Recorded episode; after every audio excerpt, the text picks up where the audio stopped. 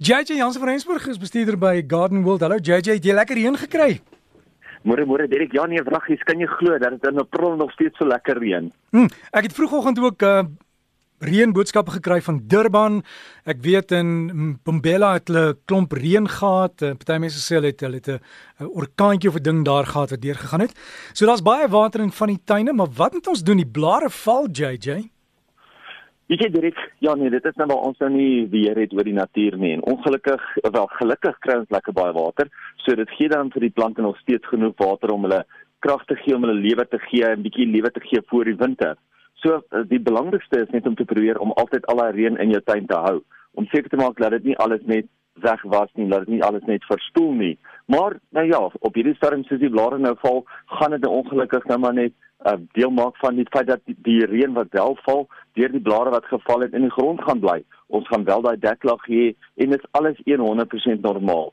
So ons kan eintlik kan ons net ontspan, die reën geniet, die bietjie die effense koel cool weer geniet wat ons op die oomblik het. Um veral hier op die Hoofveld is dit nou lekker koel, cool, maar ja nee, dit, ons weet almal dit dit gaan weer warmer word en ons koue kom ons maar eintlik lees daar eers einde Mei, middel Junie eers deur. Hm. Sê daar's klomp mense wat op die oomblik probleme nog steeds het met witvlieg.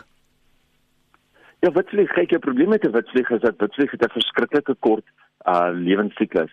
En as 'n mens nie daai lewensiklus breek nie, dan gaan jy nooit van die witvlieg ontslaa raak nie. Service is 'n baie goeie um produk wat 'n mens daarvoor kan spuit. Uh maar jy moet maar onthou dat jy moet hom een keer elke 3 dae spuit, net om eers van die nie die lewensiklus te breek en onthou ook om altyd op die bokante of op op die op die bopunte onder op die blare te spuit, want dit is waar jy witvlieg eintlik lewe. Nou hoe weet jy het 'n wit vlieg in die tuin? Dis 'n vliegie as jy grootte van 'n muggie, maar as jy takkie stamp en daai vlieg daai vliegie vlieg weg, dan vlieg hy eintlik dronk. Hy vlieg so 'n zigzag vorm, dan weet jy dit is wit vlieg. Maar sekere plante kry ook baie makliker wit vlieg as ander. So mens moet maar uitkyk, mens moet maar deur die tuin gaan en gaan kyk sodat jy altyd weet waar sal jy altyd eerste wit vlieg opmerk.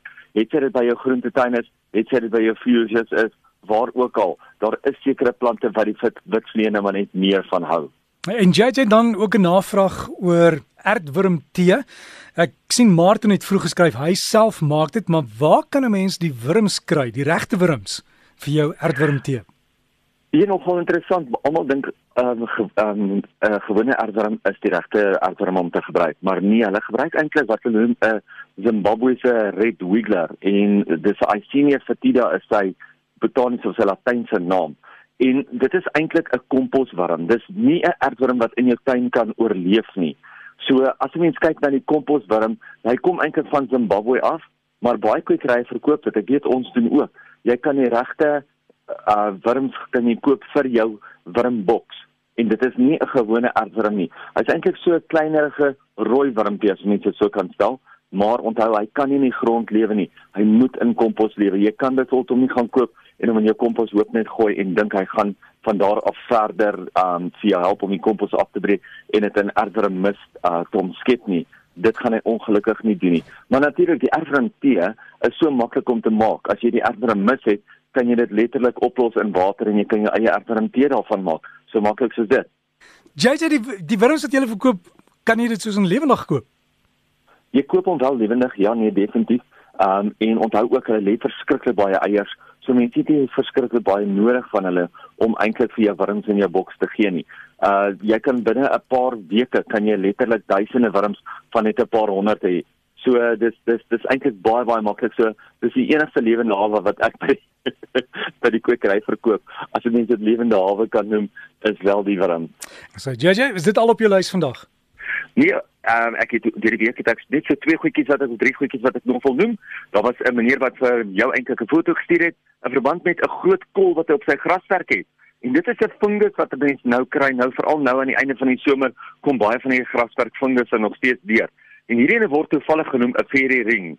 Weet nie of jy hom vir ons sommer op jou Facebook kan sit nie, dan kan die mense sommer sien wat hierdie ene ons van praat want ek weet ek sit hom sommer net nou ook op my Facebook.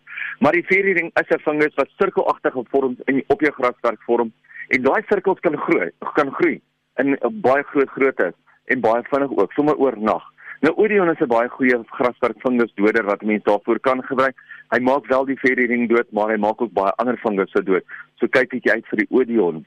Baie mense wil ook weet of dit nou die regte tyd is of 'n goeie tyd is om die Strelitzias en Clivias uit te plant, te verdeel en uit te plant. Nou, ongelukkig as jy dit nou gaan verdeel en uitplant, gaan jy definitief hierdie jaar nie blomme hê nie. So as jy daarmee kan saamlewe, is dit 'n baie goeie tyd om dit wel te doen want die plante gaan nou in 'n rusvorm in.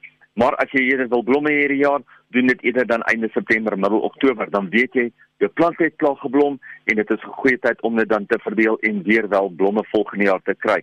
Wat 'n mens wel nou kan doen, is jy kan vir 'n laaste keer jou clivias gou voer met ietsie soos 'n 815 en dit geld ook vir die strelitzias want aan die einde van die winter gaan hulle mos nou vir ons blomme gee. So wat jy doen is voer hulle nou en gee hulle stelselmatig minder water want saam met die minder water gaan hulle nou begin baie sterk blomme vorm, baie beter blomme vorm. Ons plan van die week vir hierdie week is natuurlik 'n herbalicious soup delight. Nou wat so lekker is, is die, weer eens een van daai gemengde kruiebakke wat mense sommer net so kan gaan koop by die kwekery. Hy's klaar opgeplant en dit is wat natuurlik nou gedurende die herfs die lekkerste tyd om ons tuine in die huis in te bring. So die herbalicious soup delight is een van daai vensterbak uh, plante wat 'n mens eintlik of bakke wat 'n mens sommer in jou kombuis kan neersit en jy kan dit sommer net daar gebruik in jou soppe. Wat lekkerder as dit dan nou nie om sommer vars kry in daai wintersop te gebruik wat een van die dae gemaak gaan word nie. In hierdie bak natuurlik het ons petersilie, spinasie, graseie en seldery. Dit is al die bestanddele wat jy nodig het vir daai lekker sop. Gaan kyk net uit vir die herbalicious reeks, die soup delight variëteit of die soup delight uh mengsel wat bymekaar ge, geplant is. So gesels ons saam met Jesse Jans van Rensburg bestuurder by Garden World en as jy wil e-pos is hier hier by gardenworld.co.za. Sterkte met jou tuinmaak.